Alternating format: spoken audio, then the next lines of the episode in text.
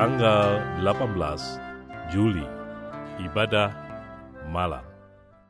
Lihat, seperti mata para hamba laki-laki memandang kepada tangan tuannya, seperti mata hamba perempuan memandang kepada tangan nyonyanya, demikianlah mata kita memandang kepada Tuhan Allah kita sampai ia mengasihani kita. Mazmur pasal 123 ayat 2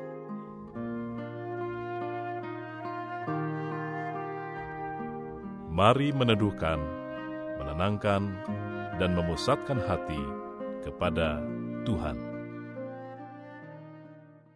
Saat hening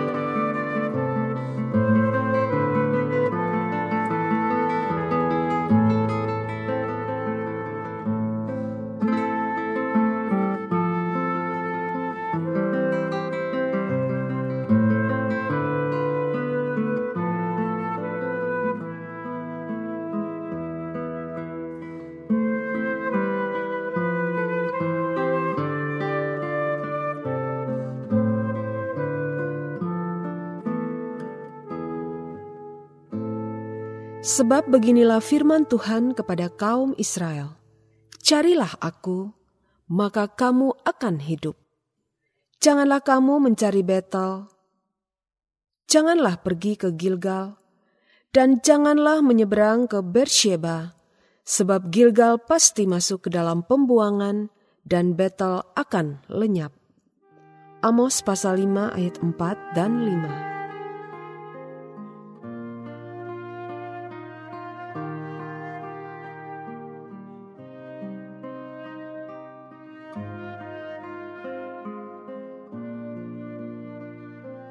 Cara yang tepat untuk terhindar dari hukuman Tuhan bukanlah dengan melarikan diri daripadanya, namun justru dengan lari datang kepadanya.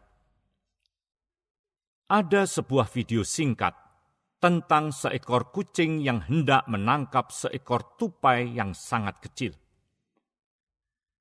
Yang dilakukan oleh tupai itu bukanlah melarikan diri dari sang kucing, sebab upayanya itu akan sia-sia.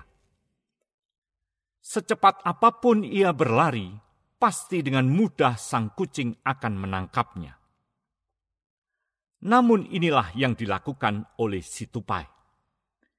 Ia melompat dan bertengger di atas punggung sang kucing. Sebagai akibat, sang kucing merasa kebingungan karena ia kehilangan mangsanya dan tidak menyadari bahwa sebenarnya si tupai sedang berada di punggungnya. Tindakan yang hampir serupa, namun dengan makna yang berbeda, Tuhan nasihatkan kepada umat Israel seperti yang dicatat di dalam Amos pasal 5. Ia bermaksud menghukum umatnya karena dosa-dosa mereka. Namun sebelum ia melakukannya, Allah terlebih dahulu berfirman, Carilah aku, maka kamu akan hidup. Kemudian ia memperingatkan agar mereka tidak usah melarikan diri ke Gilgal atau Bersheba, sebab upaya itu adalah sia-sia. Di sana pun Tuhan akan tetap mampu menghukum mereka.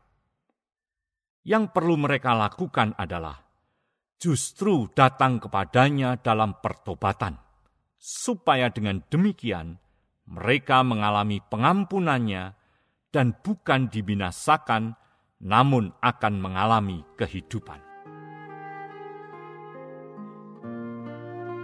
Masih adakah hal-hal yang mendukakan hati Allah yang Anda lakukan dalam hidup Anda? Apakah yang perlu Anda lakukan untuk mengalami pengampunannya? Tuhan, tidak ada apa pun yang dapat kusembunyikan dari pandanganmu. Engkau mengetahui isi hati dan pikiranku lebih daripada yang ku ketahui. Aku memohon agar rohmu menunjukkan hal-hal di dalam hidupku yang tidak berkenan kepadamu. Ampunilah diriku akan segala dosa dan pelanggaranku terhadap firmanmu. Hapuskanlah segala dosa dan kesalahanku, dan tahirkanlah hatiku.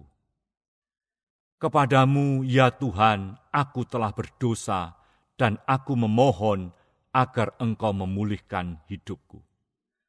Kasihanilah aku dengan rahmatmu. Aku berterima kasih kepadamu karena di dalam segala kekuranganku, Engkau dengan kasih setiamu telah bersedia menyertai diriku di sepanjang hari ini di setiap langkah yang harus kuambil, Engkau dengan penuh kasih setia dan kesabaran telah membimbing diriku. Terima kasih untuk roh kudusmu yang memampukan diriku untuk mengatasi setiap persoalan yang kuhadapi. Aku percaya bahwa di setiap keadaan Engkau turut bekerja untuk mendatangkan kebaikan bagi hidupku. Aku menyerahkan kehidupan yang telah kujalani ini dan masa depan yang menanti diriku ke dalam tanganmu. Di dalam nama Yesus Kristus, Tuhan yang limpah dengan anugerah, aku berdoa. Amin. Berdoalah untuk orang-orang yang sedang memerlukan dukungan doa Anda.